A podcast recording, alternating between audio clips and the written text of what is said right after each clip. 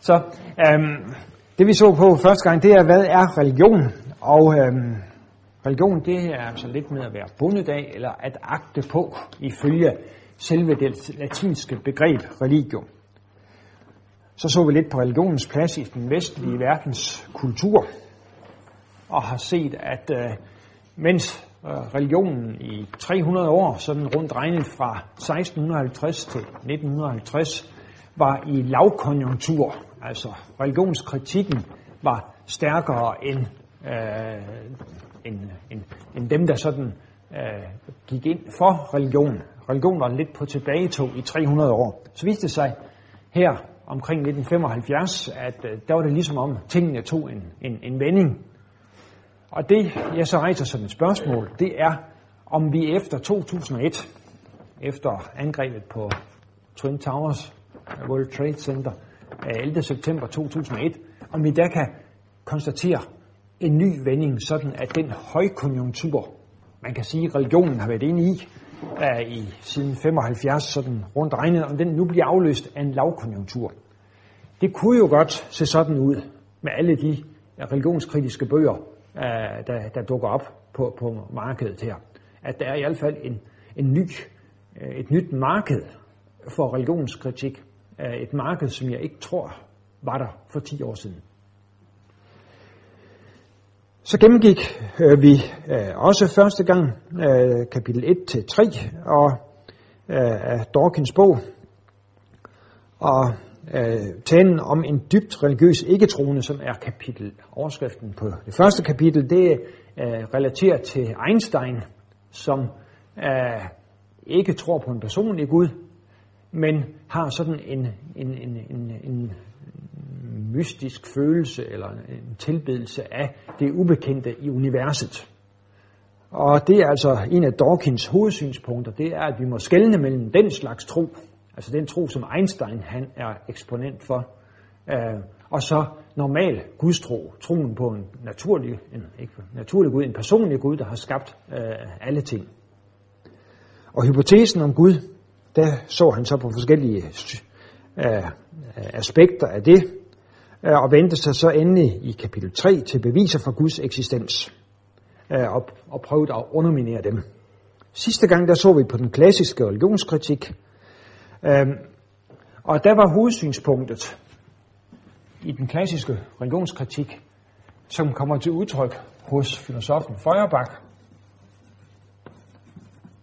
i en bog fra 1841, Der Wesen des Kristentums, der giver han udtryk for, at det er ikke den store Gud, som jo altså skal være noget større end ham her. Det er ikke den store Gud, der har skabt det lille menneske, men det er det lille menneske faktisk, der har skabt den store Gud. Det er øh, Feuerbachs øh, tankegang, at vi mennesker har altså skabt Gud. Det er ikke Gud, der har skabt os. Vi har tænkt os frem øh, til Gud, Øh, og øh, det er den måde, at Guds forestillingen er kommet øh, på. Det er altså ikke noget, som det skyldes ikke en åbenbaring fra Guds side, men det skyldes, mennesketanker. Og det er sådan set hovedsynspunktet i øh, det, man kalder den klassiske religionskritik. At det er mennesket, der har skabt Gud. Vi har projiceret vores håb, vores ønsker, vores frygt. Det har vi projiceret op i kæmpe størrelse. Øh, og på den måde er Guds forestillingen blevet til. Øh, en anden del af det, der er karakteristisk for øh, religionskritikken, det er noget, som ikke kom så meget til udtryk hos Feuerbach og hos Marx og Nietzsche og Freud, men kom til udtryk i noget, der hedder positivismen.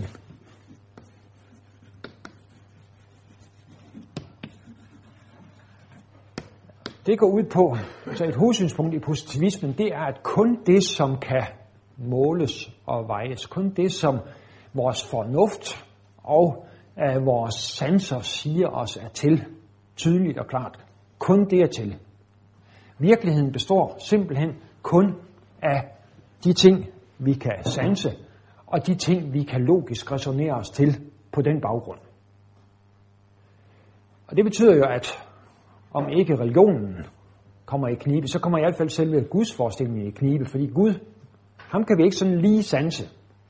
Uh, vi kan måske uh, uh, sanse nogle mennesker, der mener, de har fået en åbenbaring fra ham, men uh, Gud selv kan vi ikke sanse.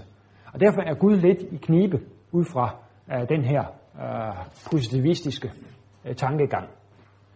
Den blev udviklet videre op i 1900 den startede i 1850, sådan rundt regnet, med en, øh, en fransk filosof, der hedder August Comte.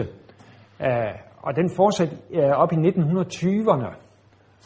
Og der kom det med noget, der hedder logisk positivisme, som er cirka det andet. Det samme, bare med en fokus på sproget. Og den logiske positivisme, de sagde øh, cirka det samme, øh, at kun de sætninger, som kan verificeres empirisk, kun øh, de ting, som vi ligesom kan dokumentere, findes, kun de ting er sande, og de sætninger er sande. Og det betyder, at religion kom i knibe, men det betyder så også noget som kunst og moral kom i knibe. Så øh, det er en meget indskrænket synsvinkel øh, som de har på tingene, nemlig at kun det materielle, det vi kan tydeligt måle og veje, kun det er virkeligt. Når jeg lægger vægt på det, så er det fordi, jeg rejser spørgsmålet her senere i aften. Øh, er øh, Dawkins, er han simpelthen bare en, en repræsentant? Er han bare en genopstanden logisk positivist, eller eventuelt bare en genoplivet positivist? Er det, som Dawkins siger, er det egentlig bare de her ting, som vi, er, som vi kendte for 100 år siden, i, i, i ny skikkelse. Så gennemgik vi sidste gang Dawkins kapitel 4-6, øh, hvorfor der næsten med sikkerhed ikke er nogen Gud.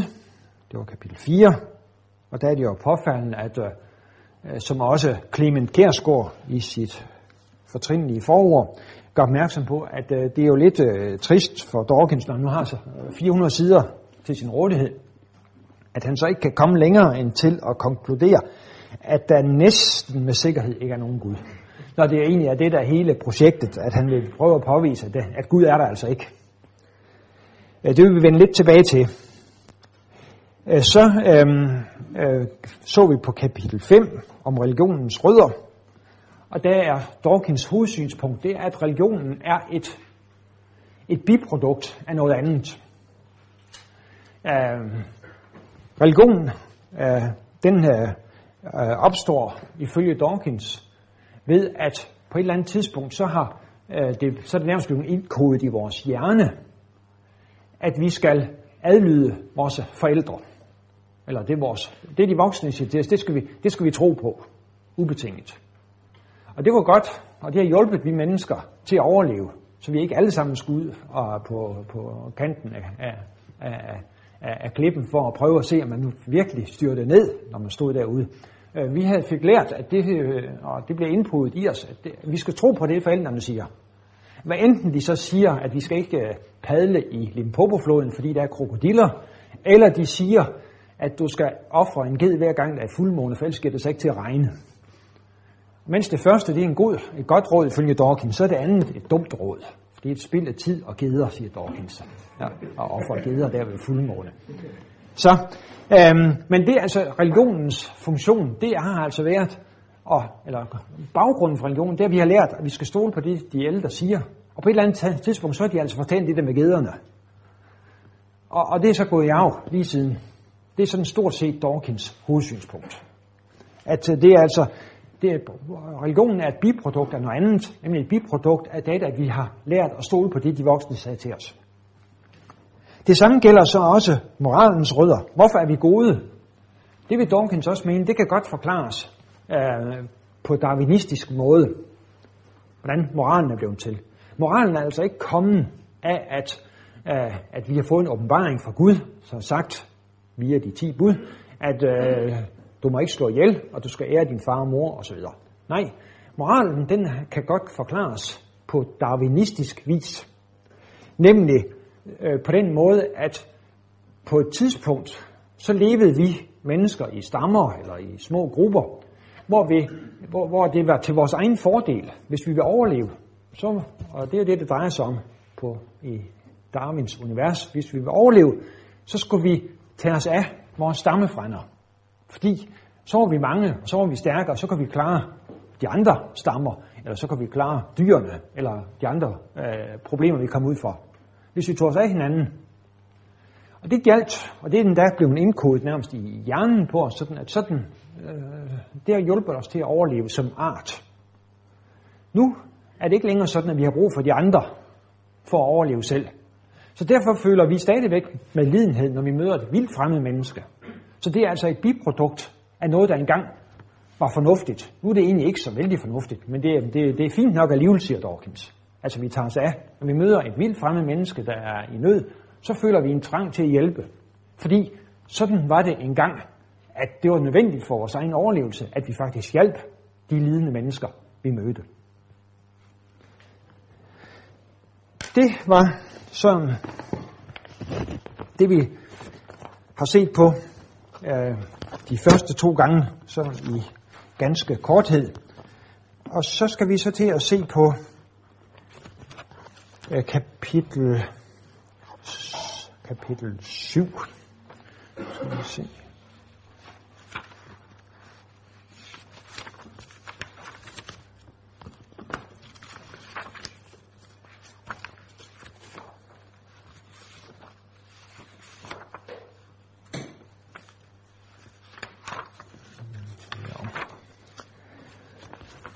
som drejer sig altså om den gode bog og den moralske zeitgeist. Og den gode bog, det er primært Bibelen. Øhm, øhm, han er enkelte steder lige, der drejer, der, der han lige ind omkring også af andre gode bøger. Øh, øh, Koranen, hvis jeg husker ret. Men i hvert fald, det, det er primært og alt overskyggende øh, Bibelen, han tænker på. Og så er det jo, lægger vi jo allerede mærke til, at den gode bog, der står god ligesom i anførselstegn, som om, at det mener han ikke helt alvorligt. Og det gør han skam heller ikke. Øh, det behøver I slet ikke at, at, at, at tro. Det er, det, den er dels ikke god, Bibelen, er ifølge Dawkins. Han starter med et citat om, at politik har slået tusindvis ihjel, men religion har slået ti tusindvis ihjel. Det er næsten ligesom Saul og David. Der. Øhm, men øhm, religion, det, har, det, det er altså det, der har slået 10.000 uh, øh, ihjel. Uh, og det må vi jo så tage til os. Altså det tror jeg, det, det er da jo rigtigt nok, at igennem historiens løb, så har religion virkelig slået masser af mennesker ihjel. Altså, øh, der er selvfølgelig masser masse andre elementer blandt ind i det, Altså 30-årskrigen, det er jo et af de øh, øh, rystende eksempler, hvor øh, lutheraner og katolikker, de sloges ned i Tyskland øh, i, øh, i, 30 år. Øh, og til sidst, da de endelig holdt fred, så var det altså ikke fordi, at de var blevet enige om noget som helst, eller en af parterne havde sejret, men der var simpelthen ikke flere køer og heste tilbage i Tyskland, sådan at de kunne holde hærene oppe. Øh, der, der var simpelthen, mellem Europa var lagt øde, mere eller mindre, af 30-årskrigen. Og så lige øh, apropos, så kan jeg nævne, at øh, da vi boede i Tyskland for øh, 25 år siden snart, der fortalte en dame øh, nede fra Franken, nede omkring Nürnberg, at hun havde lært, da hun var barn, at hvis ikke hun opførte sig ordentligt, så kom svenskerne og tog hende. Og det var altså, det var 300 år siden, der havde været en ærlig svensker på de kanter der, så det har virkelig gjort indtryk. Så hvis, hvis ikke hun opfører sig ordentligt, så kom Carl Gustav og company. Øhm, men øhm, det er altså et eksempel på, at øh, religion har jo virkelig øh, været øh, en plage, når den øh, begyndte at, at slås med andre øh, om, om, om territorium osv. Øh, men så skal det så også siges, at de største øh, forbrydelser i det 20. århundrede, og det glemmer han jo altså at sige, den gode Dawkins. De største forbrydelser i det 20. århundrede, øh, de er altså begået af Hitler og Stalin og Mao. Og, og jeg læste Maos, øh, eller biografien om, om Mao her for et par år siden, øh, og den gør redde for, at der er mellem 70 og 80 millioner mennesker, som i fredstid er blevet dræbt af Mao. 70-80 millioner mennesker, som i fredstid er blevet dræbt af Mao. Simpelthen fordi han har lavet dem sulte ihjel, fordi han skulle bruge kornet til at give til østtyskerne for at, at, at, at prøve at se, om han kunne udmanøvrere russerne som den, øh, som den, øh, den mest øh, markante kommunistiske magt. Så der er altså, øh, og, og Stalin, hvor mange han har slået ihjel, det er vel en 30-50 millioner også. Øh, og Hitler, det ved vi også, det er også op imod det, eller 30 millioner, som øh, i den størrelsesorden. Så de største øh, katastrofer af den art i det 20. århundrede, det er ikke religionen, men politik og ideologi, som står bag. Men, siger han så ellers, Dawkins, og det, og, og det, det kan jo ikke, det er lige til at sætte tingene i perspektiv, men det hjælper jo ikke rigtig noget, hvis han ellers har ret i, at religionen faktisk er et onde. Øh, og det prøver han at vise øh, på forskellige vis. Øh, først viser han altså, at Bibelen ikke er så god, som vi tror, den er. Øh, de ting, øh, som vi læser i det gamle testamente, det er, det er udtryk for en forfærdelig moral, siger Dawkins. Noah, beretningen om, om Noah, den er forfærdelig. Altså at Noah, han skulle have lov til at overleve, og alle de andre, øh, øh inklusive alle dyrene, bortset fra et par af hver. Øh, selve beretningen er forfærdelig, moralsk set, vil Dawkins sige. Og Lot, det er ikke spor bedre. Øh, beretningen om Lot, øh, som skulle være et, et, et godt menneske, øh, ikke desto mindre, så øh, var ham og hans familie, de var, øh, han gik i seng med sine døtre, eller omvendt, og det, det, var, det var ikke særlig godt, det der. Øh, og Abraham, som bliver regnet for at være den mest, øh, en af de mest øh, prominente personer i det gamle testamente, øh, han øh, var også på mindst to måder en, en slem kal. Øh, for det første, i flere omgange hævdede han, at Sarah, hans kone, var hans søster, for selv at slippe for, for problemer. Og, og, og, og det var hun altså ikke, hun var hans kone. Og, og, og så kom der problemer ud af det. Men selv det med Sarah, siger han, det var det rene småtterier sammenlignet med beretningen om offringen af Isak. Offringen af Isak, det var simpelthen noget, som man ikke kunne tillade sig. En hver, siger Dawkins, og sikkert med rette, en hver vil sige, at det her, det var øh, barnemishandling. Øh, og havde det lykkedes ham at dræbe Isak, så havde det været mor. Det siger Søren Kierkegaard ført også i frygt og bæven. At øh, sådan, sådan, øh, det, det er ikke, Dawkins er ikke den første, der kommer på den tanke der. Øh, men øh, øh, han siger så, at, øh, øh, at Abraham, han ville have sagt, som de sagde ved Nürnberg-processen, da nazisterne de blev krævet til regnskab for deres forbrydelser, at jeg prægede bare ordre. Han gjorde det, som Gud havde sagt til ham. Men det er en skrækkelig historie, mener Dawkins. Og, og på en måde jo med rette.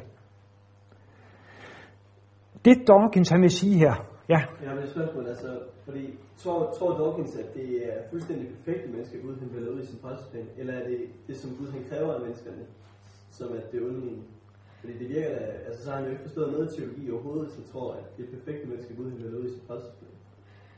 Nej, men det, det, det, det tror han ikke. Det, det, det, det påstår han ikke. Men han siger alligevel, at de her beretninger, de bliver på en måde fremstillet for os som et eksempel til efterfølgelse. Og det er det, der han synes, der er, er grumme galt. Øhm, og Moses, det er, der, der er han i, i forbindelse med Moses, der, der, der, der anklager han Gud for at være, være, være skinsyg på de andre guder. Uh, det han kan nemme, det kan minde om seksuel jalousi, uh, Guds raseri, når uh, folket de uh, tilbeder andre guder. Og Josvas erobring af Jericho, det er også galt. For uh, det øh, minder om Hitlers invasion af Polen og Saddam Husseins massakre på kurder og maskarabere. Øhm, og øh, Talen om, at der skulle være dødstraf, hvis man arbejder på en sabbat, det er nu nok aldrig, ja, det ved vi selvfølgelig ikke, om det nogensinde er blevet øh, indført, men altså i 3. Mosebog, øh, der skulle der være dødstraf, øh, blandt andet hvis man arbejder på en sabbat. Så øh, det gamle testamente, det duber ikke som basis for etik og moral, vil, øh, vil øh, den gode Dawkins sige. Øh, det han sådan ligesom øh, ikke helt får fat på, det er jo altså, og han, han hævder, at gode og dårlige ting findes i det gamle testamente blandt op i hinanden, og der er ikke nogen kriterier til at finde ud af, hvad der egentlig er godt, og hvad vi skal rette os efter i dag. Og det er her, jeg synes, han kommer på, på, på gale veje. Fordi der er nogle ting, der bliver fremhævet i det gamle testamente, som det, der er forbilledeligt for os andre. Og især når vi kommer til det nye testamente, så bliver det ganske klart, at der er nogen, der er et bud, som er det første og det største bud. Nemlig det dobbelte kærlighedsbud. Og allerede i det gamle testamente er det jo de ti bud, der bliver fremhævet som de centrale bud, øh, som man tydeligvis øh, skal, skal, skal lyde alle sammen. Så øh, hans tale om, at, øh, at øh, i det gamle testamente, der findes det hele blandet op. Det er ikke muligt at skelne, hvad der er gode bud, og hvad der er dårlige eksempler. Den holder ikke helt, efter min mening. Jeg mener godt, at vi ud fra det gamle testamente kan sige noget om, hvad der er centralt, og hvad der er mere perifert. Men han har ret, synes jeg, at der er nogle af de her beretninger, som øh, vi næppe ville anbefale vores børn, øh, hvis de skulle være ordentlige mennesker, øh, og bare følge, følge efter og, og tage, tage ved lære af. Er det så bedre med det nye testamente? Er det næste spørgsmål. Og det er det da. Øhm, øh, Jesus han er, hvis han altså har eksisteret, og det er en af de her mærkværdigheder, som viser, at, øh, at han er liv. Mm, han vil gerne være Øh, redelig og nøgtern og afbalanceret. Men øh, det synes jeg altså kommer, øh, det, det lever han ikke helt op til her, når han kommer med sådan en lille kommentar, hvis Jesus virkelig, virkelig eksisteret. Det, det mener jeg simpelthen ikke, der kan være nogen tvivl om. Øhm, men øh, Jesus han er alligevel godt, han er, han er et godt øh, menneske og et godt eksempel. Blandt andet hans tale om at vende den anden kind til. Dermed har han jo foregrebet Gandhi og Martin, Martin Luther King med, med et par tusind år. Og det er gode mennesker. Og dermed så er, er Jesus jo virkelig også et godt menneske. Øhm, og Jesus han havde også et befriende syn på sabbaten. Det har han lige tidligere polemiseret med i Gamle Testamentet, der var sabbaten. Øh, det, den skulle man jo holde, og gjorde man ikke det, så øh, Øh, var der dødstraf øh, om, om hjørnet. Men Jesus han har jo øh, et, et, et andet syn på sabbaten, hvor han siger, at sabbaten er blevet til for, øh, for menneskets skyld, og ikke mennesket for sabbatens skyld. Øh, I begyndelsen af Markus evangeliet for eksempel. Hvorimod Jesu holdning til familien ikke var noget at råbe på for. Og det kan vi egentlig godt give ham ret i. Altså Jesus, Jesu holdning til, til sin mor og, og, og, og, og søskende, den, den virker jo noget kølig, øh, synes jeg nok.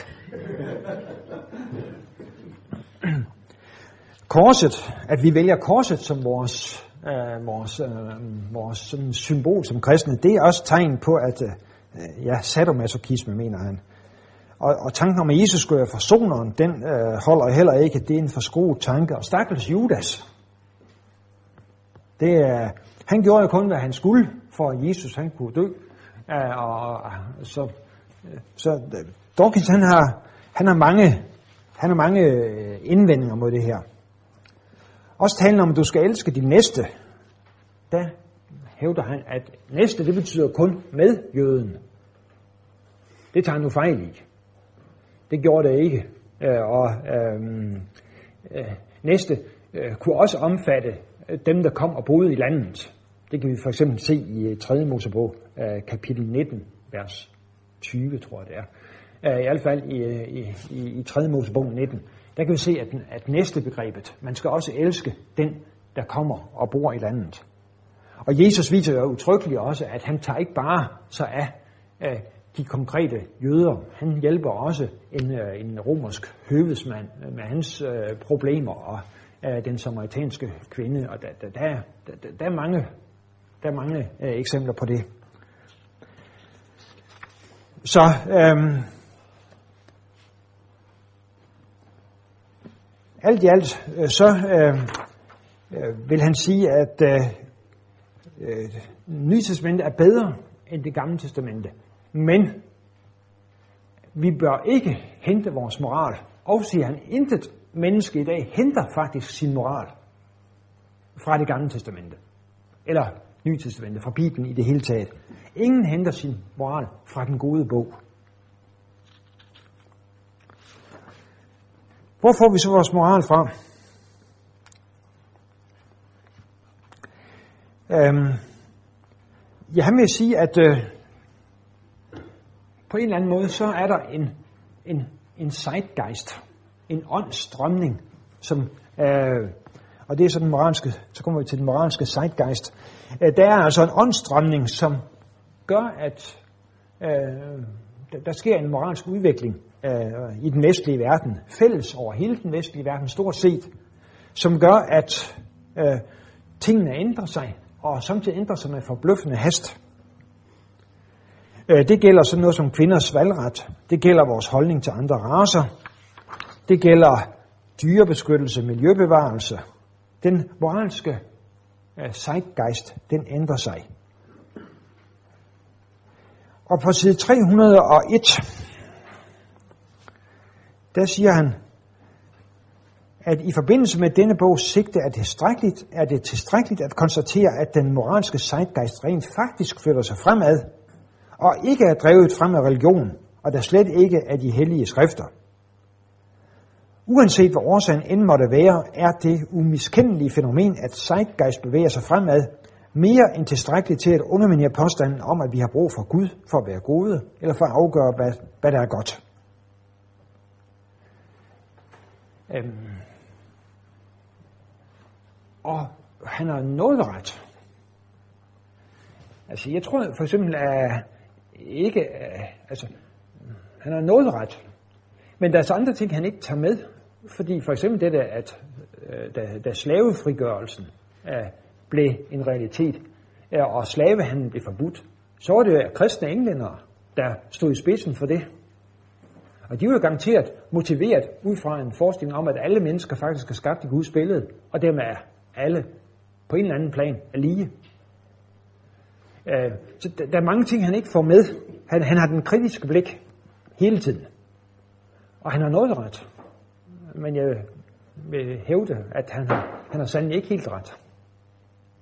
Men det er jo tilstrækkeligt, at han har noget ret til, det kan være lidt noget anfægtende øh, for os som, som kristne religiøse, og at øh, noget af det, vi regner med, øh, hører øh, jeg sagt på den måde, at, øh, at noget af de bibelske skrifter øh, faktisk skal, skal puttes lidt til side. Andet skal hæves frem. Men så er der også noget udefra, som er kommet og har været med til at, at, at, at, at fremme god moral i vores folk. For eksempel sådan noget som, at der skulle være lige vilkår for mænd og kvinder, eller at arbejderne skulle have rimelige arbejdsforhold. Det er jo ikke bare de kristne, der har stået bag, at der er sket de ændringer. Kristne har også gået imod det øh, på forskellige vis. Hitler og Stalin er han så inde på. Var de ikke ateister? Og det var det da. I hvert fald Stalin. Hitler, det er lidt mere usikkert. Om han virkelig var ateist. Han var i hvert fald ikke klassisk troende, det kan man godt sige. Uh, men uh, uh, han er noget usikker på, om han virkelig var ateist, fordi der var altså noget mystik også over Hitler, og han troede på Tysklands plads i historien, og det, øh, den, uh, der, der var en religiøsitet blandt ind i ham. På forskellige tidspunkter siger han, at han er stadigvæk katolik. Den, den, den gode Hitler. Men øh, han vil så sige, gør Dawkins, at når, når Hitler han, øh, slog jøderne ihjel, så var det fordi, han var påvirket af den lange kristne tradition for, at det var jøderne, der havde slået Kristus ihjel. Så egentlig vil han sige, at Hitlers jødeudryddelse, den har sin baggrund også i den kristne tradition, nemlig fordi vi altid har, og ikke mindst den katolske kirke, har sagt, at det var jøderne, der slog, der slog Jesus ihjel. Det kan nok ikke forklare øh, langt det hele, men øh, øh, det, det er med til at, at lige at sætte tingene i perspektiv Ja. Kurt, jeg synes, øh, jeg synes, at hele det der afsnit, det, det er sådan lidt totalt angribeligt. Hele det der afsnit om Hitler og Stalin, det går ud på at, at frikende nazismen for noget som helst moralsk ondt. Mm. Altså, og, og videnskaben. Mm. For, for, for, de officielle begrundelser i, i Nazi-Tyskland, det, det var jo racehygiejne, øh, øh, hvor man stod med pas og linal og sådan noget, og, målte kranier, ikke, for at se, hvem der nu var der, og hvem der ikke var der. Det har jo ikke pænt med religion at gøre. Ja, hvis det, måske var det der religiøst, men det har i hvert fald ikke noget med kristendom at gøre. Nej. Nej. Altså, så jeg mener, han, altså hele det der afsnit, det er kun ude på at, at frede ateismen, øh, Mm. mm. og at have noget som helst moralsk grib i sig. Mm. Det siger han jo også omkring Stalin. Mm. Det var ikke ateismen som sådan, der er jo ondet både i kristendommen og i ateismen. Og sådan. Det bare ikke noget med ateisme at gøre. Mm. Jamen, det er rigtigt. Så jeg skal være lidt mere, jeg skal være lidt mere hård ved ham på det felt her. Det synes jeg bestemt på god grund. Ja. Jamen, det er fint. Det er du ret i. Det er du ret i. Ja. Øh, så er vi øh, fremme ved det, det kapitel 8. Hvorfor så sur på religion? Øh, der vil han jo for det første sige, at øh, ja, ja, hans forklaring øh, til Stalins øh, myrderier, det vil han det vil han sige, at det er simpelthen øh, marxismen. Øh, han har et udtrykkeligt. Øh, han, øh, jeg siger på side 308, ateister altså, kan som enkeltpersoner gøre meget ondt, men de gør det ikke i de gør ikke det onde i ateismens navn.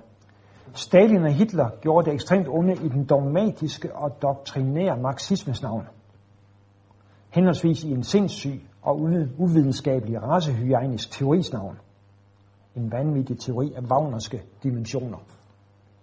Så altså hans forklaring på Stalin, det er, at det er i en dogmatisk og doktrinær marxismes navn. Og egentlig tror jeg, at det er på grund af personlig forfølgelsesvandvid også, i høj grad for Stalins vedkommende.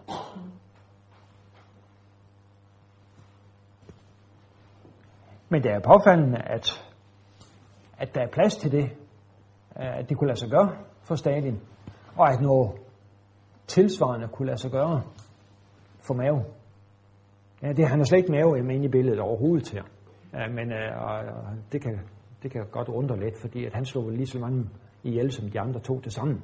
Ja, men øh, han er ikke med i billedet. Men hvorfor så så sur på religion? Det er det øh, næste afsnit.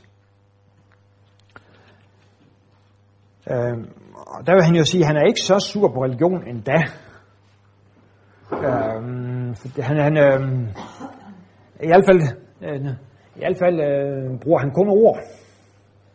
Det er ikke sådan, som når de religiøse slås indbyrdes, hvor de slår hinanden ihjel. Han, øh, han nøjes med at, at, at argumentere. Øh, og så, øh, øh, så bliver han beskyldt for at være fundamentalist for sine synspunkter. At han er, han er sådan en, øh, en øh, ateistisk fundamentalist. Og det vil han øh, meget have sig frabedt at blive beskyldt for det. Fordi øh, øh, der er forskel på fundamentalisme og lidenskab. Han er med på, at han er lidenskabelig i sin angreb på de, øh, på de troende. Men han er sandelig ikke fundamentalist. For forskellen mellem fundamentalist og ham, det er, at en fundamentalist, lige meget hvad man, hvilke argumenter man kommer, så vil en fundamentalist ifølge ham ikke ændre synspunkter. Man ved, hvad der er det sande, det har man læst i bogen, øh, og, og ingenting kan få en til at ændre holdning overhovedet. Men han er ikke fundamentalist, men han er lidenskabelig videnskabsmand. Og en videnskabsmand, han er i hvert fald i princippet villig til at ændre sig, hvis der kommer argumenter på bordet. Det indrømmer han så også, at det ikke altid det er sådan lige i praksis, men idealet er det i hvert fald sådan. Og han vil gerne tilslutte sig idealet her.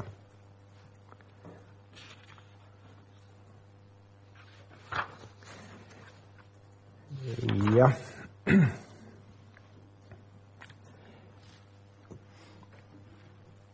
Det vi så skal snakke om på et tidspunkt her, det er så også, i hvilken udstrækning har han ret i, at vi som kristne vil fastholde vores synspunkt. Lige meget hvilke synspunkter, hvilke argumenter, der kommer på bordet. Det er noget, det vi skal bruge lidt tid til uh, i, uh, i anden afdeling her. Han, øh, vi skal ind på absolutismens mørke side. Der, der introducerer han begrebet American Taliban. For han mener, at de amerikanske fundamentalister, de lader simpelthen ikke Taliban i Afghanistan noget høre, hvad radikalitet øh, angår. Øh, det kommer jo lidt overraskende på mig, vil jeg nok sige. Øh, men han argumenterer, han, han har jo nogle citater hen ad vejen, som peger i den retning, at øh, der sådan set ikke er, at der findes amerikanske kristne fundamentalister, der øh, minder temmelig meget om, øh, om Talibans tankegang. Jeg skal lige se, om jeg kan finde et eksempel. Jo, på side 302, 322, der er det nogle amerikanere, der siger følgende. Vi ønsker ikke lige ret... Ja, det, og det kan, jeg har streget under et eller andet sted, så det kan jeg godt finde. Tre, de er vist for oven, hvis jeg husker ret. Øhm.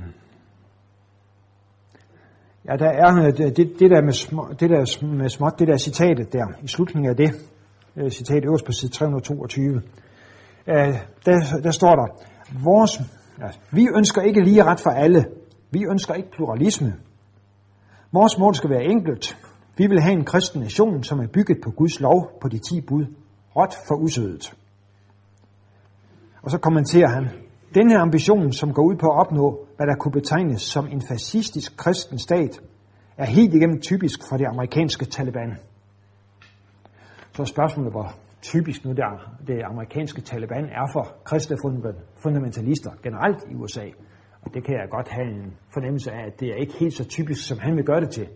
Men altså, at der findes markante øh, udsagn og markante holdninger om, at øh, demokrati og menneskeret og lige ret for alle, at, øh, at det er ikke noget, man går ind for. Man vil bygge en stat, som skal være bygget på de ti bud på den kristne lov, øh, og at det kunne minde en hel del om det, som øh, radikale islamister, de også vil sige, bare med basis i sharia. Det tror jeg ikke, vi kan komme udenom. Han har i hvert fald nogle eksempler her.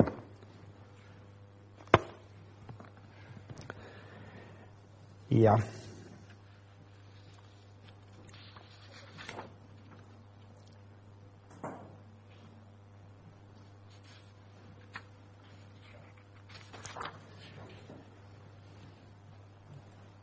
Så har han et langt afsnit, og også et, et par afsnit om tro og homoseksualitet, og tro og menneskelivets ukrænkelighed. Øh, og der er hans syn på det første tro og homoseksualitet, der, der øh, konstaterer han jo, at, at øh, øh, kristne har en, en, øh, en mærkelig, øh, et mærkeligt ønske om at interessere sig for andre menneskers privatliv. Og, og øh, han mener, at det er, øh, at de homoseksuelle, de skulle have lov til at, at, at, at leve frit og praktisere frit øh, og at øh, det, der er tale om en form for indskrænkning fra vores side, når vi er så optaget af den sag.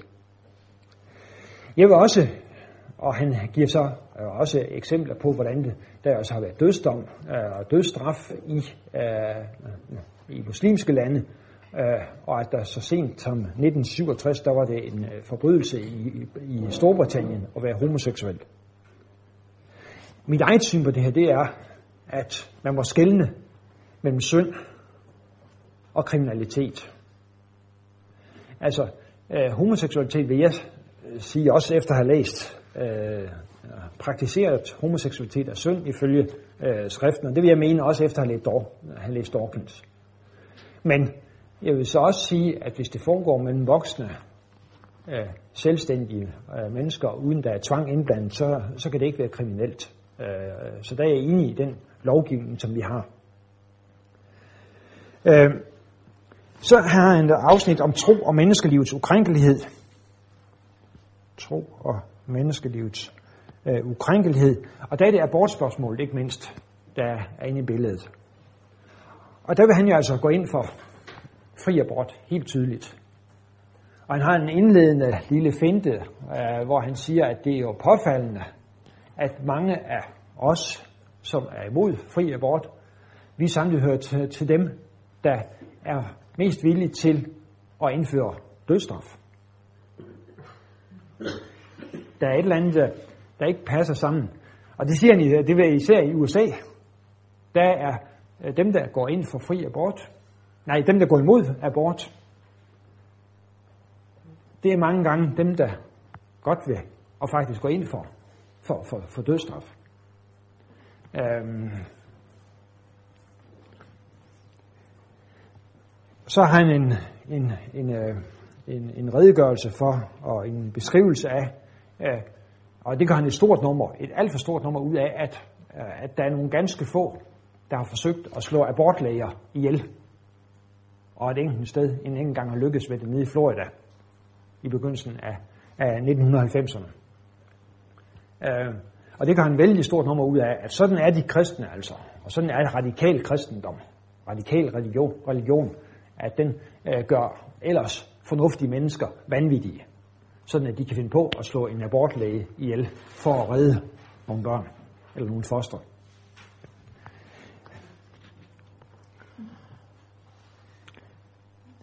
Øh, og så vil han så også sige, og der så går vi til afsnittet, hvordan mådehold i troen fostrer fanatisme. At det øh, er hans opfattelse, altså at øh, selvom vi er måske repræsenterer mådehold, så er øh, i troen, så øh, er det alligevel øh, et arnested for fanatisk tro. Øh, det giver en eksempler på, øh, både for kristne og ikke mindst for islam, at mådeholden, moderat tro, ifølge ham er ansat sted, eller øh, et sted, hvor øh, fanatisk tro, øh, om ikke med nødvendighed, så med stor sandsynlighed vokser op.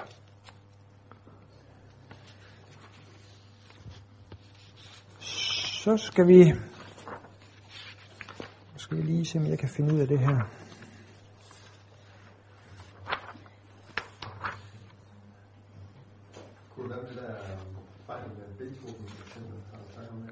Nej, det sprang jeg lidt over. Øh, øh, altså det går jeg ud på, øh, at øh, man øh, har sagt, at hvis, nu skal jeg lige se, om jeg kan finde det frem her, fra mobil 328 her.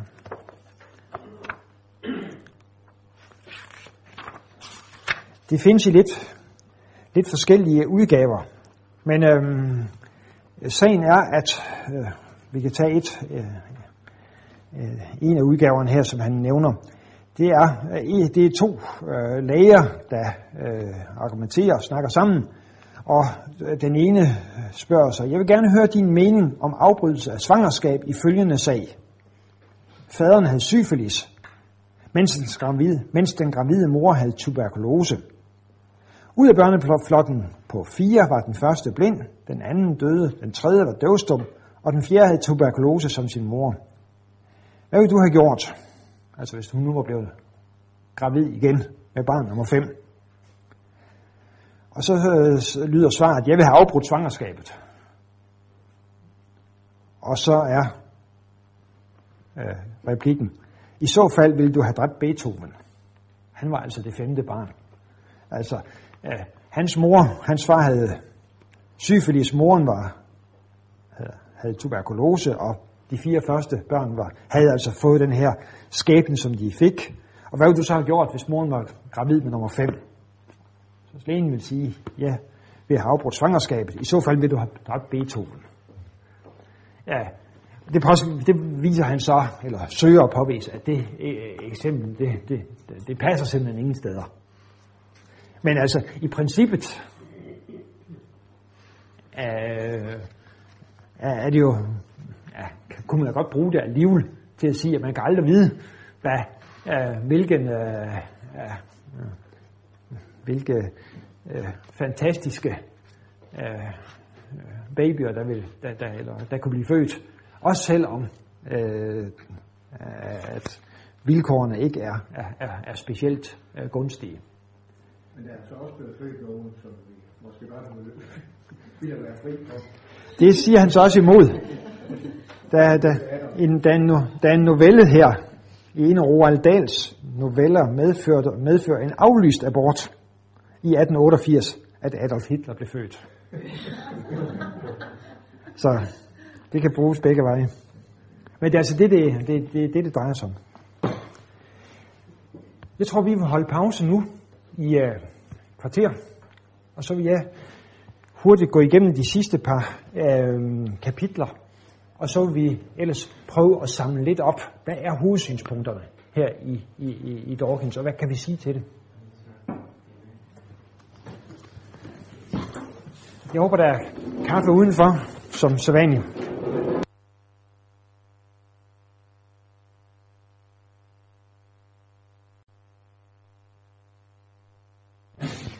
Så øhm, det vi så på første gang, det er, hvad er religion? Og øhm, religion, det er altså lidt med at være bundet af, eller at agte på, ifølge selve det latinske begreb religion. Så så vi lidt på religionens plads i den vestlige verdens kultur, og har set, at øh, mens øh, religionen i 300 år, sådan rundt regnet fra 1650 til 1950, var i lavkonjunktur, altså religionskritikken var stærkere end, øh, end, end, end dem, der sådan øh, gik ind for religion. Religion var lidt på tilbagetog i 300 år. Så viste det sig her omkring 1975, at øh, der var det ligesom om tingene tog en, en, en vending. Og det, jeg så rejser som et spørgsmål, det er, om vi efter 2001, efter angrebet på Twin Towers, World Trade Center, 11. september 2001, om vi der kan konstatere en ny vending, sådan at den højkonjunktur, man kan sige, religionen har været inde i, er i siden 75, sådan rundt regnet, om den nu bliver afløst af en lavkonjunktur. Det kunne jo godt se sådan ud med alle de religionskritiske bøger, øh, der, der dukker op på, på markedet her. At der er i hvert fald en, en ny, øh, et nyt marked for religionskritik. Et marked, som jeg ikke tror var der for 10 år siden. Så gennemgik øh, vi øh, også første gang øh, kapitel 1-3 og øh, af Dawkins bog. Og øh, talen om en dybt religiøs ikke-troende, som er kapitel, overskriften på det første kapitel, det øh, relaterer til Einstein, som øh, ikke tror på en personlig Gud, men har sådan en, en, en, en, en mystisk følelse eller en tilbedelse af det ubekendte i universet. Og det er altså en af Dawkins hovedsynspunkter, det er, at vi må skelne mellem den slags tro, altså den tro, som Einstein han er eksponent for, øh, og så normal gudstro, troen på en naturlig, en, ikke naturlig Gud, en personlig Gud, der har skabt øh, alle ting. Og hypotesen om Gud, der så han så på forskellige øh, aspekter af det, øh, og vendte sig så endelig i kapitel 3 til beviser for Guds eksistens, øh, og, og prøvede at underminere dem. Sidste gang der så vi på den klassiske religionskritik, øh, og der var hovedsynspunktet i den klassiske religionskritik, som kommer til udtryk hos filosofen Feuerbach, i en bog fra 1841, der Wesen des Kristentums, der giver han udtryk for, at det er ikke den store Gud, som jo altså skal være noget større end ham her. Det er ikke den store Gud, der har skabt det lille menneske, men det er det lille menneske faktisk, der har skabt den store Gud. Det er øh, Feuerbachs øh, tankegang, at vi mennesker har altså skabt Gud. Det er ikke Gud, der har skabt os. Vi har tænkt os frem øh, til Gud, Øh, og øh, det er den måde, at Guds forestillingen er kommet øh, på. Det er altså ikke noget, som Det skyldes ikke en åbenbaring fra Guds side, men det skyldes, skyldes mennesketanker. Og det er sådan set hovedsynspunktet i øh, det, man kalder den klassiske religionskritik. At det er mennesket, der har skabt Gud. Vi har projiceret vores håb, vores ønsker, vores frygt. Det har vi projiceret op i kæmpe størrelse. Øh, og på den måde er Guds forestillingen blevet til. Øh, en anden del af det, der er karakteristisk for øh, religionskritikken, det er noget, som ikke kom så meget til udtryk hos Feuerbach og hos Marx og Nietzsche og Freud, men kom til udtryk i noget, der hedder positivismen.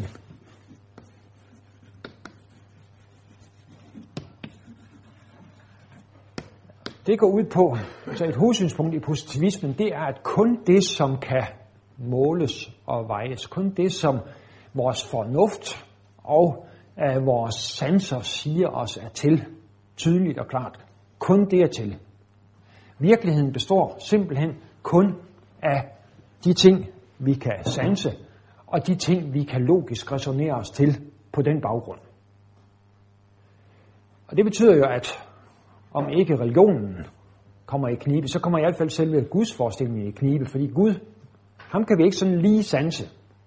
Uh, vi kan måske uh, uh, sanse nogle mennesker, der mener, de har fået en åbenbaring fra ham, men uh, Gud selv kan vi ikke sanse.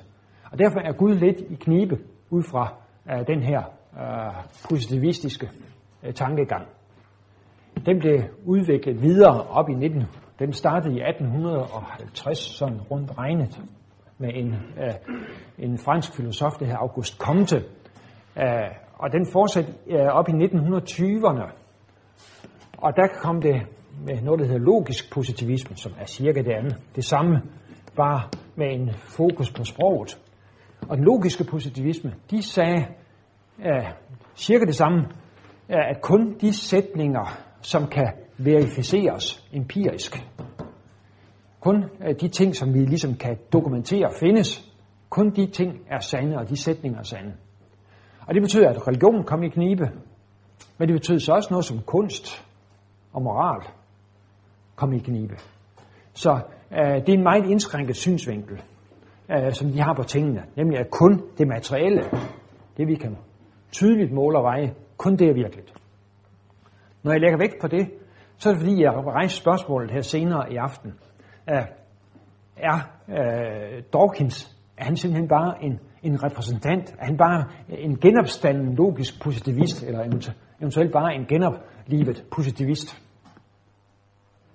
Er det, som Dawkins siger, er det egentlig bare de her ting, som vi, er, som vi kendte for 100 år siden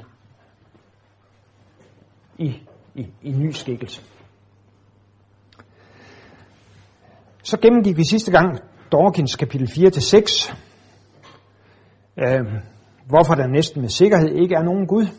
Det var kapitel 4, og der er det jo påfaldende, at øh, øh som også Clement Kærsgaard i sit fortrinlige forord gør opmærksom på, at øh, det er jo lidt øh, trist for Dawkins, når han nu har så øh, 400 sider til sin rådighed, at han så ikke kan komme længere end til at konkludere, at der næsten med sikkerhed ikke er nogen Gud.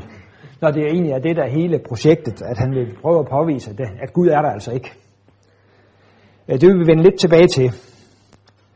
Øh, så øhm, øh, så vi på kapitel 5 om religionens rødder, og der er Dawkins hovedsynspunkt, det er, at religionen er et, et biprodukt af noget andet. Uh, religionen, øh, den øh, øh opstår ifølge Dawkins ved, at på et eller andet tidspunkt, så, har, øh, det, så er det nærmest blevet indkodet i vores hjerne, at vi skal adlyde vores forældre. Eller det er, vores, det er de voksne siger til os, det skal, vi, det skal vi tro på, ubetinget. Og det var godt, og det har hjulpet vi mennesker til at overleve, så vi ikke alle sammen skulle ud og på, på kanten af, af, af, af, af klippen for at prøve at se, om man nu virkelig styrte ned, når man stod derude. Øh, vi havde fik lært, at det, øh, og det blev indpuddet i os, at det, vi skal tro på det, forældrene siger. Hvad enten de så siger, at vi skal ikke øh, padle i Limpopo-floden, fordi der er krokodiller, eller de siger, at du skal ofre en ged hver gang, der er fuldmåne, for ellers det sig ikke til at regne. Mens det første det er en god, et godt råd ifølge Dawkins, så er det andet et dumt råd. Det er et spild af tid og geder, siger Dawkins. Ja, og offer geder der ved fuldmåne. Så, øhm, men det er altså religionens funktion, det har altså været, og, eller baggrunden for religionen, det er, at vi har lært, at vi skal stole på det, de ældre siger. Og på et eller andet tidspunkt, så har de altså fortalt det der med gederne. Og, og det er så gået i arv lige siden. Det er sådan stort set Dawkins hovedsynspunkt. At øh, det er altså, det er, religionen er et biprodukt af noget andet, nemlig et biprodukt af det, at vi har lært at stole på det, de voksne sagde til os. Det samme gælder så også moralens rødder. Hvorfor er vi gode? Det vil Dawkins også mene, det kan godt forklares øh, på darwinistisk måde, hvordan moralen er blevet til. Moralen er altså ikke kommet af, at, øh, at vi har fået en åbenbaring fra Gud, som sagt via de ti bud, at øh, du må ikke slå ihjel, og du skal ære din far og mor osv. Nej, moralen den kan godt forklares på darwinistisk vis. Nemlig øh, på den måde, at på et tidspunkt, så levede vi mennesker i stammer eller i små grupper, hvor, vi, hvor, hvor det var til vores egen fordel, hvis vi vil overleve. Så, og det er det, det drejer sig om på, i Darwins univers. Hvis vi vil overleve, så skulle vi tage os af vores stammefrænder. Fordi så var vi mange, og så var vi stærke, og så kan vi klare de andre stammer, eller så kan vi klare dyrene, eller de andre øh, problemer, vi kommer ud for. Hvis vi tog os af hinanden. Og det galt, og det er den der blevet indkodet nærmest i hjernen på os, sådan at sådan, øh, det har hjulpet os til at overleve som art. Nu er det ikke længere sådan, at vi har brug for de andre for at overleve selv. Så derfor føler vi stadigvæk med lidenhed, når vi møder et vildt fremmed menneske. Så det er altså et biprodukt af noget, der engang var fornuftigt. Nu er det egentlig ikke så vældig fornuftigt, men det er, det, det er fint nok alligevel, siger Dawkins. Altså vi tager os af, når vi møder et vildt fremmed menneske, der er i nød, så føler vi en trang til at hjælpe. Fordi sådan var det engang, at det var nødvendigt for vores egen overlevelse, at vi faktisk hjalp de lidende mennesker, vi mødte.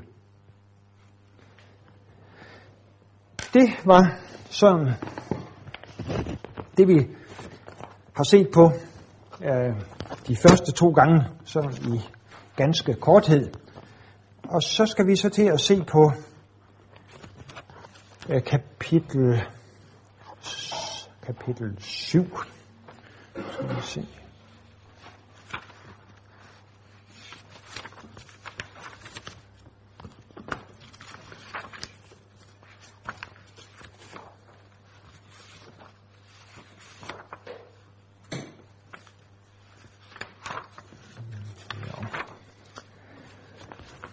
som drejer sig altså om den gode bog og den moralske zeitgeist. Og den gode bog, det er primært Bibelen. Øhm, øhm, han er enkelte steder lige, der drejer, der, der han lige ind omkring også af andre gode bøger. Øh, øh, Koranen, hvis jeg husker ret. Men i hvert fald, det, det er primært og alt overskyggende øh, Bibelen, han tænker på. Og så er det jo, lægger vi jo allerede mærke til, at den gode bog, der står Gud ligesom i anførselstegn, som om, at det mener han ikke helt alvorligt. Og det gør han skam heller ikke. Øh, det behøver I slet ikke at, at, at, at tro. Det er, det, den er dels ikke god, Bibelen, er ifølge Dawkins. Han starter med et citat om, at politik har slået tusindvis ihjel, men religion har slået ti tusindvis ihjel. Det er næsten ligesom Saul og David der. Øhm, men øhm, religion, det, har, det, det er altså det, der har slået 10.000 uh, øh, ihjel. Uh, og det må vi jo så tage til os. Altså det tror jeg, det, det er da jo rigtigt nok, at igennem historiens løb, så har religion virkelig slået masser af mennesker ihjel. Altså, øh, der er selvfølgelig været masser af andre elementer blandt ind i det, Altså 30-årskrigen, det er jo et af de øh, øh, rystende eksempler, hvor øh, lutheranere og katolikker, de sloges ned i Tyskland øh, i, øh, i, 30 år. Øh, og til sidst, da de endelig holdt fred, så var det altså ikke fordi, at de var blevet enige om noget som helst, eller en af parterne havde sejret, men der var simpelthen ikke flere køer og heste tilbage i Tyskland, sådan at de kunne holde herrene oppe. Øh, der, der var simpelthen, mellem Europa var lagt øde, mere eller mindre, af 30-årskrigen. Og så lige øh, apropos, så kan jeg nævne, at øh, da vi boede i Tyskland for øh, 25 år siden snart, der fortalte en dame øh, nede fra Franken, nede omkring Nürnberg, at hun havde lært, da hun var barn, at hvis ikke hun opførte sig ordentligt, så kom svenskerne og tog hende. Og det var altså, det var 300 år siden, der har været en ærlig svensker på de kanter der, så det har virkelig gjort indtryk. Så hvis, hvis ikke hun opfører sig ordentligt, så kom Karl Gustav og company.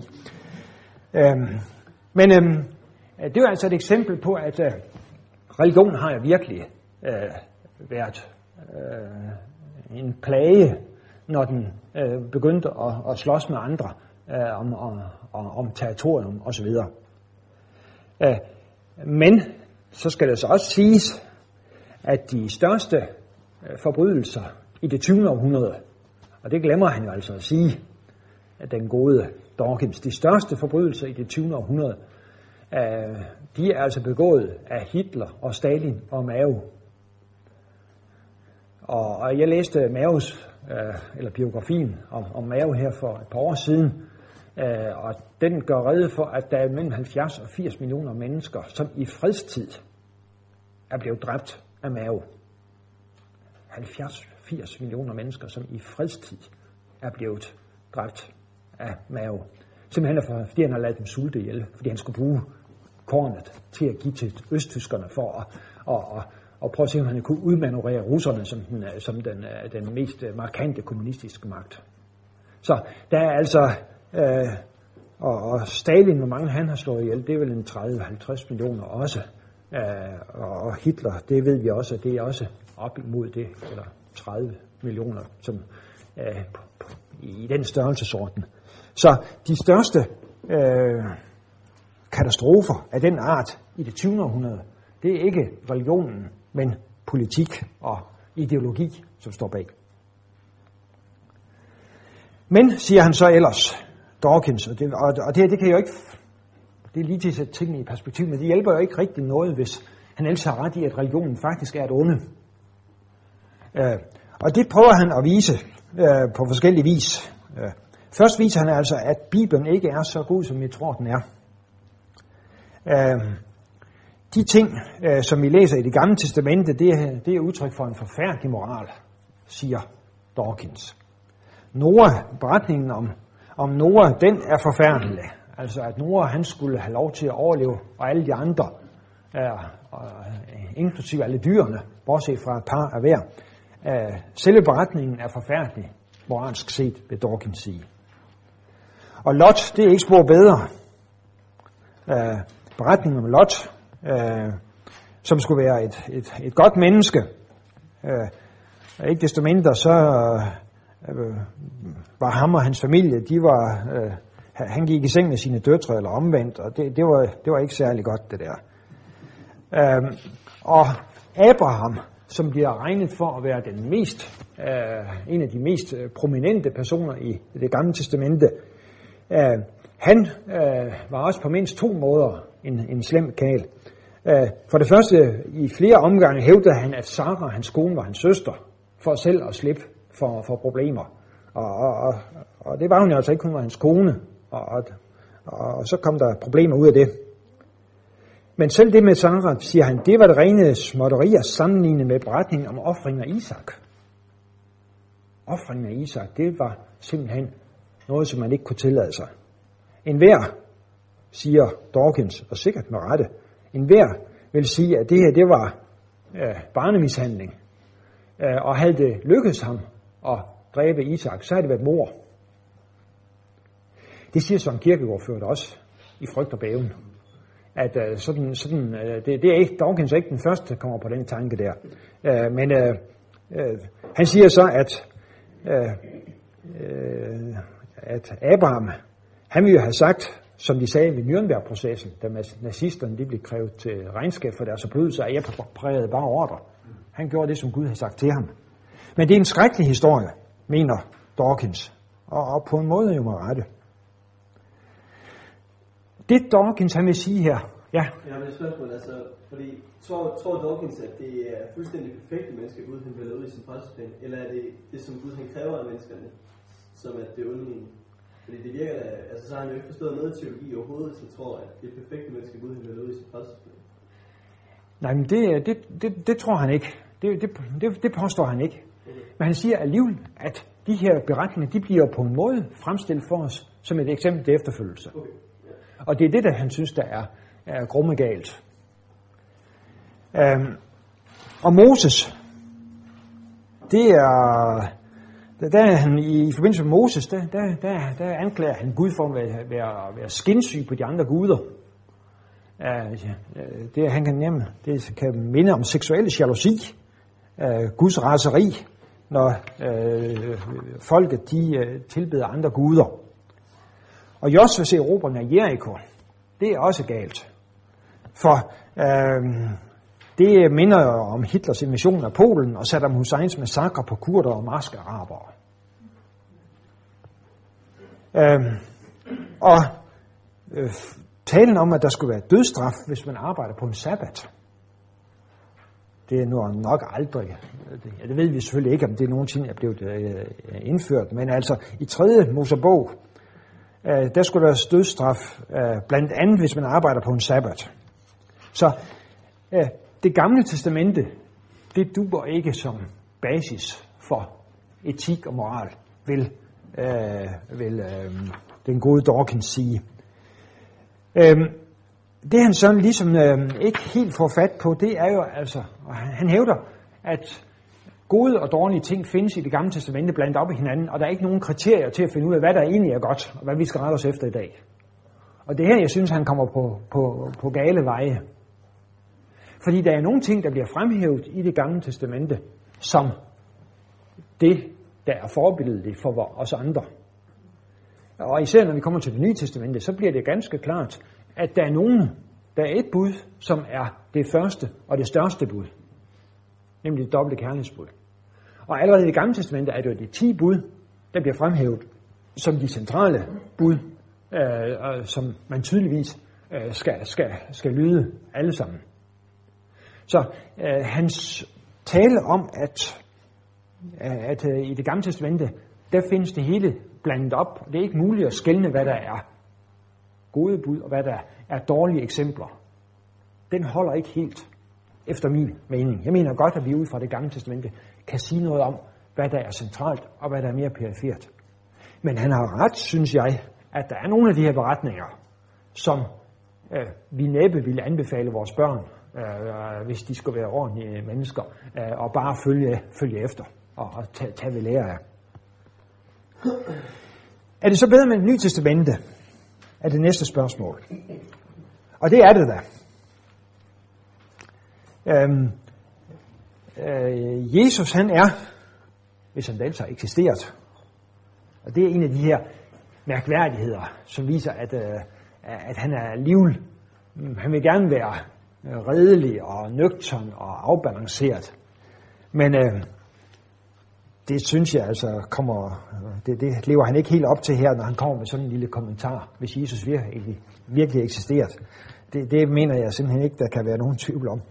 Øhm, men øh, Jesus han er alligevel godt, han er, han er et godt øh, menneske og et godt eksempel. Blandt andet hans tale om at vende den anden kind til. Dermed har han jo foregrebet Gandhi og Martin, Martin Luther King med, med et par tusind år.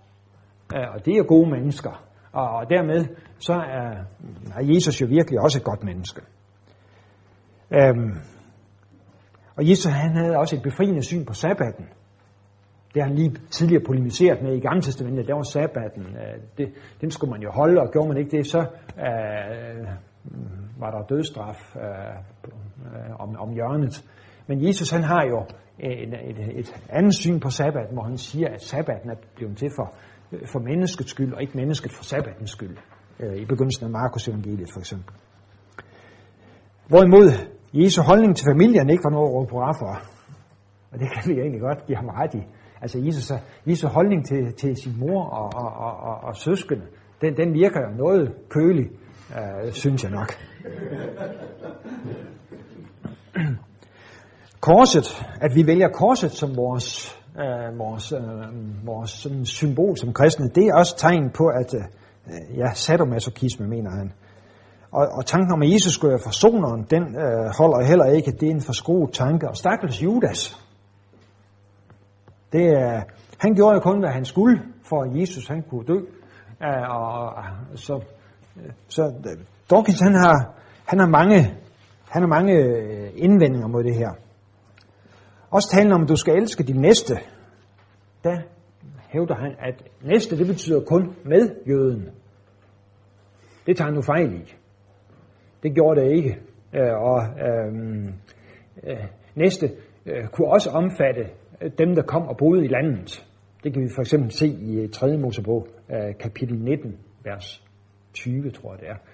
I hvert fald i, i, i, i 3. Mosebog 19. Der kan vi se, at, at næste begrebet, man skal også elske den, der kommer og bor i landet. Og Jesus viser jo utryggeligt også, at han tager ikke bare så af, af de konkrete jøder. Han hjælper også en, øh, en romersk høvesmand med hans øh, problemer og øh, den samaritanske kvinde. Og der, der, der, der, der er mange, der er mange øh, eksempler på det. Så øh, alt i alt, øh, så øh, øh vil han sige, at øh, øh Nye Testamente er bedre end det gamle testamente. Men vi bør ikke hente vores moral. Og siger han, intet menneske i dag henter faktisk sin moral fra det gamle testamente. Eller Nye Testamente, fra Bibelen i det hele taget. Ingen henter sin moral fra den gode bog. Hvor får vi så vores moral fra? Øhm, ja, han vil sige, at øh, på en eller anden måde, så er der en, en, en zeitgeist, en åndsstrømning, som, øh, og det er så den moralske, så kommer vi til den moralske zeitgeist. Øh, der er altså en åndsstrømning, som gør, at øh, der, der sker en moralsk udvikling øh, i den vestlige verden, fælles over hele den vestlige verden stort set, som gør, at øh, tingene ændrer sig, og samtidig ændrer sig med forbløffende hast.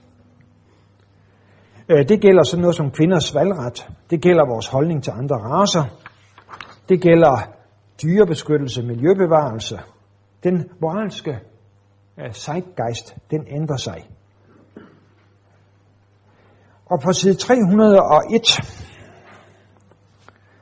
der siger han, at i forbindelse med denne bog sigte er det, tilstrækkeligt, er det tilstrækkeligt at konstatere, at den moralske zeitgeist rent faktisk flytter sig fremad, og ikke er drevet frem af religion, og der slet ikke af de hellige skrifter.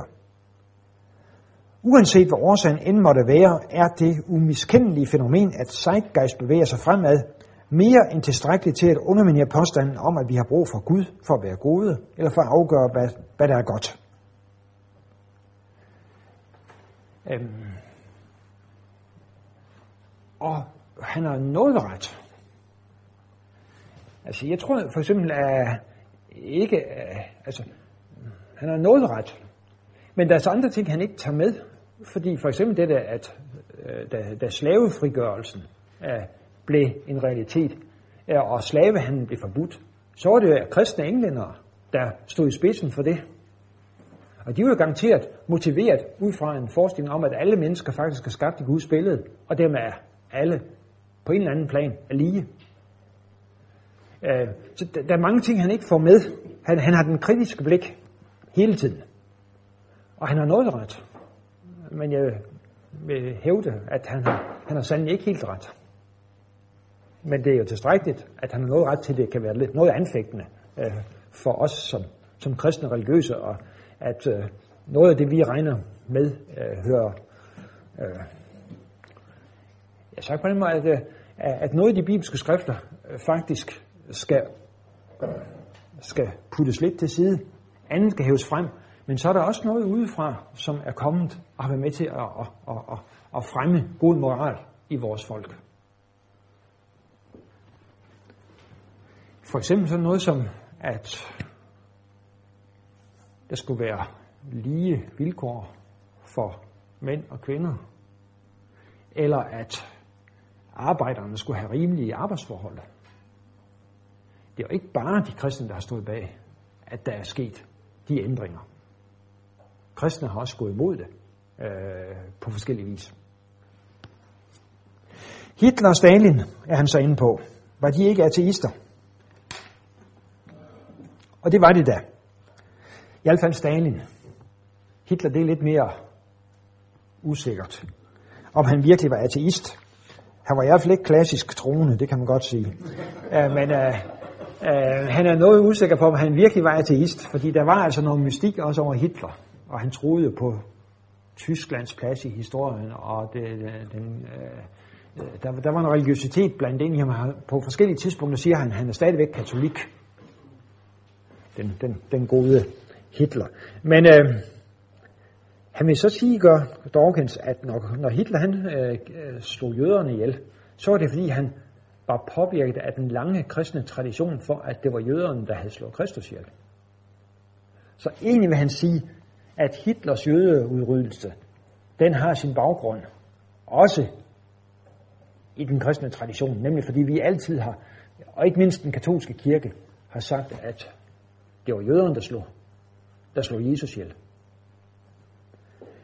Det kan nok ikke forklare øh, langt det hele, men øh, det, det er med til at, at lige at sætte tingene i perspektiv. Ja, oh. Jeg synes, jeg synes, at hele det der afsnit, det, det er sådan lidt totalt angribeligt. Hele det der afsnit om Hitler og Stalin, det går ud på at, at frikende nazismen for noget som helst moralsk ondt. Mm. Altså, og, og videnskaben. For, mm. for, for, for de officielle begrundelser i, i Nazi-Tyskland, det, det var jo racehygiejne, øh, øh, hvor man stod med passer og linal og sådan noget, og målte kranier, ikke, for at se, hvem der nu var det, og hvem der ikke var det. Det har jo ikke pænt med religion at gøre. Ja, hvis det, måske var det der religiøst, men det har i hvert fald ikke noget med kristendom at gøre. Nej. nej. Altså, så jeg mener, han, altså hele det der afsnit, det er kun ude på at, at frede ateismen, øh, mm. og at have noget som helst moralsk i sig. Mm. Det siger han jo også omkring Stalin. Mm. Det var ikke ateismen som sådan, der er ondet både i kristendommen og i ateismen. Og sådan. Det bare ikke noget med ateisme at gøre. Mm. Jamen, det er rigtigt. Så jeg skal være lidt mere, jeg skal være lidt mere hård ved ham på det felt her. Det synes jeg bestemt på god grund. Ja. Jamen, det er fint. Det er du ret i. Det er du ret i. Ja. Øhm, så er vi øhm, fremme ved det, det er kapitel 8. Hvorfor så sur på religion? Øhm, der vil han jo for det første sige, at øh, ja, ja, hans forklaring af, til Stalins øh, myrderier, det vil, han, det vil han sige, at det er simpelthen øh, marxismen. Øh, han har et udtrykkeligt. Øh, han, øh, han siger på side 308, ateister kan som enkeltpersoner gøre meget ondt, men de gør det ikke i de gør ikke det onde i ateismens navn. Stalin og Hitler gjorde det ekstremt onde i den dogmatiske og doktrinære marxismens navn. Henholdsvis i en sindssyg og uvidenskabelig racehygienisk teoris navn. En vanvittig teori af Wagnerske dimensioner. Så altså hans forklaring på Stalin, det er, at det er i en dogmatisk og doktrinær marxismes navn.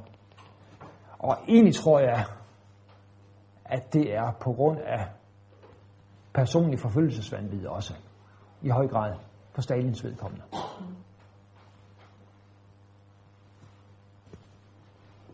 Men det er påfaldende, at, at der er plads til det, øh, at det kunne lade sig gøre for Stalin, og at noget tilsvarende kunne lade sig gøre for Mao. Ja, det, han har slet ikke Mao med i billedet overhovedet her. Ja, men øh, og, og det, kan, det kan godt undre lidt, fordi at han slog lige så mange ihjel, som de andre to til sammen. Ja, men øh, han er ikke med i billedet. Men hvorfor så så sur på religion? Det er det øh, næste afsnit. Øh, og der vil han jo sige, at han er ikke så sur på religion endda. Øh, han, han øh, i hvert fald, Øh, i hvert fald øh, bruger han kun ord. Det er ikke sådan, som når de religiøse slås indbyrdes, hvor de slår hinanden ihjel. Han, øh, han nøjes med at, at, at argumentere. Uh, og så, øh, øh, så bliver han beskyldt for at være fundamentalist for sine synspunkter. at han er, han er sådan en, øh, en ateistisk fundamentalist. Og det vil han øh, meget have sig frabedt og blive beskyldt for det. Fordi øh, øh, der er forskel på fundamentalisme og lidenskab. Han er med på, at han er lidenskabelig i sin angreb på de, øh, på de troende. Men han er sandelig ikke fundamentalist. For forskellen mellem fundamentalist og ham, det er, at en fundamentalist, lige meget hvad man, hvilke argumenter man kommer, så vil en fundamentalist ifølge ham ikke ændre synspunkter. Man ved, hvad der er det sande, det har man læst i bogen, øh, og, og ingenting kan få en til at ændre holdning overhovedet. Men han er ikke fundamentalist, men han er lidenskabelig videnskabsmand. Og en videnskabsmand, han er i hvert fald i princippet villig til at ændre sig, hvis der kommer argumenter på bordet. Det indrømmer han så også, at det ikke altid det er sådan lige i praksis, men idealet er det i hvert fald sådan. Og han vil gerne tilslutte sig idealet her.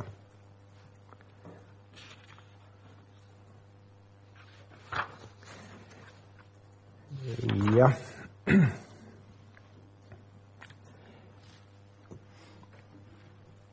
Det vi så skal snakke om på et tidspunkt her, det er så også, i hvilken udstrækning har han ret i, at vi som kristne vil fastholde vores synspunkt, lige meget hvilke synspunkter, hvilke argumenter, der kommer på bordet. Det er noget, det vi skal bruge lidt tid til uh, i, uh, i anden afdeling her. Han, øh, vi skal ind på absolutismens mørke side. Der, der introducerer han begrebet American Taliban. For han mener, at de amerikanske fundamentalister, de lader simpelthen ikke Taliban i Afghanistan noget høre, hvad radikalitet øh, angår. Øh, det kommer jo lidt overraskende på mig, vil jeg nok sige. Øh, men han argumenterer, han, han har jo nogle citater hen ad vejen, som peger i den retning, at øh, der sådan set ikke er, at der findes amerikanske kristne fundamentalister, der øh, minder temmelig meget om, øh, om Talibans tankegang. Jeg skal lige se, om jeg kan finde et eksempel. Jo, på side 322, 322, der er det nogle amerikanere, der siger følgende. Vi ønsker ikke lige ret... Ja, det, og det kan, jeg har altså strækket under et eller andet sted, så det kan jeg godt finde. Tre, de er vist for oven, hvis jeg husker ret. Øhm. Ja, der er øh, det, det, der med små, det der med småt, det der citatet der, i slutningen af det, øh, citat øverst på side 322, øh, der, der står der, vores, ja, vi ønsker ikke lige ret for alle. Vi ønsker ikke pluralisme. Vores mål skal være enkelt. Vi vil have en kristen nation, som er bygget på Guds lov på de ti bud. Råt for usødet. Og så kommenterer han, den her ambition, som går ud på at opnå, hvad der kunne betegnes som en fascistisk kristen stat, er helt igennem typisk for det amerikanske Taliban. Så spørgsmålet, var, typisk nu der, det amerikanske Taliban er for kristne fundamentalister generelt i USA. Og det kan jeg godt have en fornemmelse af, at det er ikke helt så typisk, som han vil gøre det til. Men altså, at der findes markante øh, udsagn og markante holdninger om, at øh, demokrati og menneskeret og lige ret for alle, at, øh, at det er ikke noget, man går ind for. Man vil bygge en stat, som skal være bygget på de ti bud på den kristne lov, øh, og at det kunne minde en hel del om det, som øh, radikale islamister, de også vil sige, bare med basis i sharia. Det tror jeg ikke, vi kan komme udenom. Han har i hvert fald nogle eksempler her.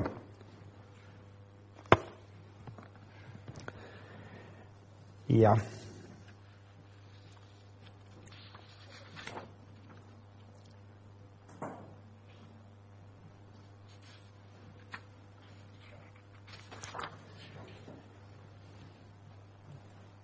Så har han et langt afsnit, og også et, et par afsnit om tro og homoseksualitet, og tro og menneskelivets ukrænkelighed. Øh, og der er hans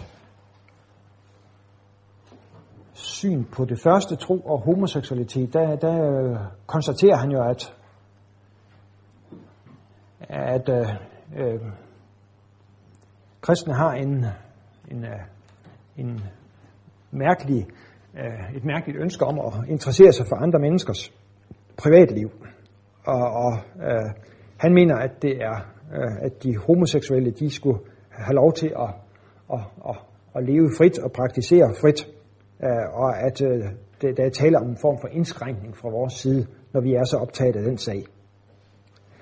Jeg vil også, og han giver så også eksempler på, hvordan det, der også har været dødsdom øh, og dødsstraf i, øh, i muslimske lande, øh, og at der så sent som 1967, der var det en øh, forbrydelse i, i Storbritannien at være homoseksuel.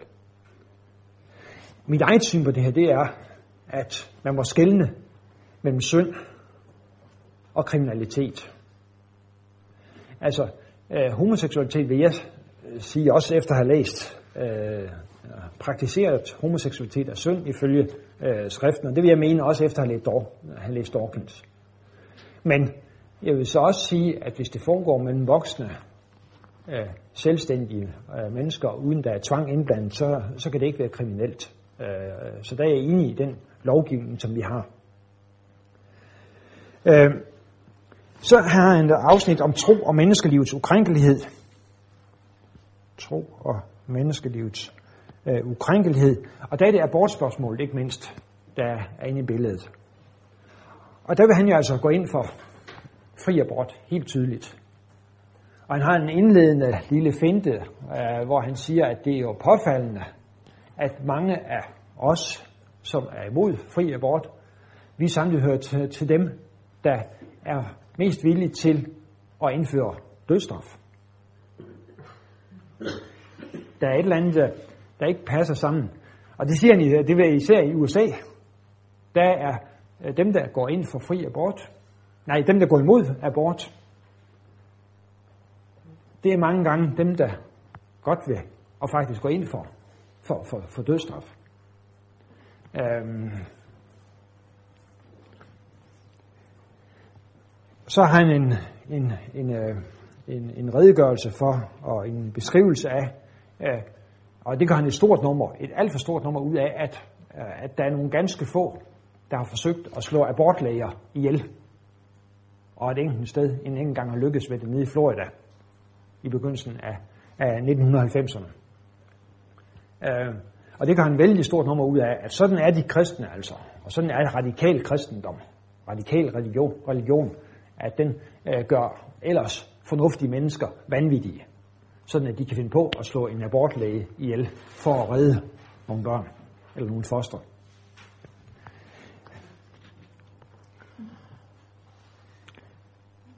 Øh,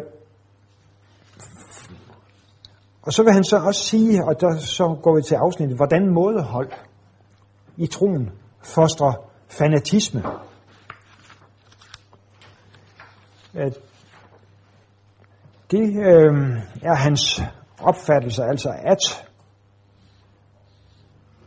øh, selvom vi er måske repræsenterer mådehold, så er øh, i troen, så øh, er det alligevel øh, et arnested for fanatisk tro. Øh, det giver en eksempler på, øh, både for kristne og ikke mindst for islam, at mådeholden, moderat tro, ifølge ham er ansat sted, eller øh, et sted, hvor øh, fanatisk tro, øh, om ikke med nødvendighed, så med stor sandsynlighed vokser op.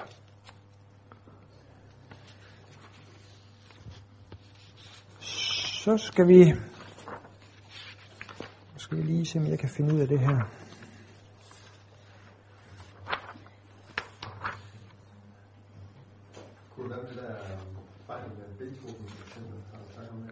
Nej, det sprang jeg lidt over.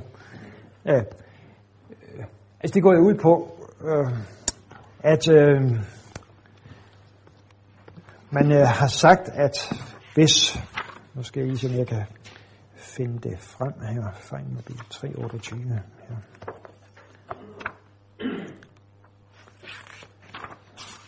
Det findes i lidt, lidt forskellige udgaver, men øh, sagen er, at øh, vi kan tage et, øh, øh, en af udgaverne her, som han nævner, det er, øh, det er to øh, læger, der øh, argumenterer og snakker sammen, og øh, den ene spørger sig, jeg vil gerne høre din mening om afbrydelse af svangerskab i følgende sag. Faderen havde syfilis, mens den, gravide, mens den gravide mor havde tuberkulose. Ud af børneflokken på fire var den første blind, den anden døde, den tredje var døvstum, og den fjerde havde tuberkulose som sin mor. Hvad ville du have gjort, altså hvis hun nu var blevet gravid igen med barn nummer 5? Og så øh, lyder svaret, jeg vil have afbrudt svangerskabet. Og så er øh, replikken, i så fald ville du have dræbt Beethoven. Han var altså det femte barn.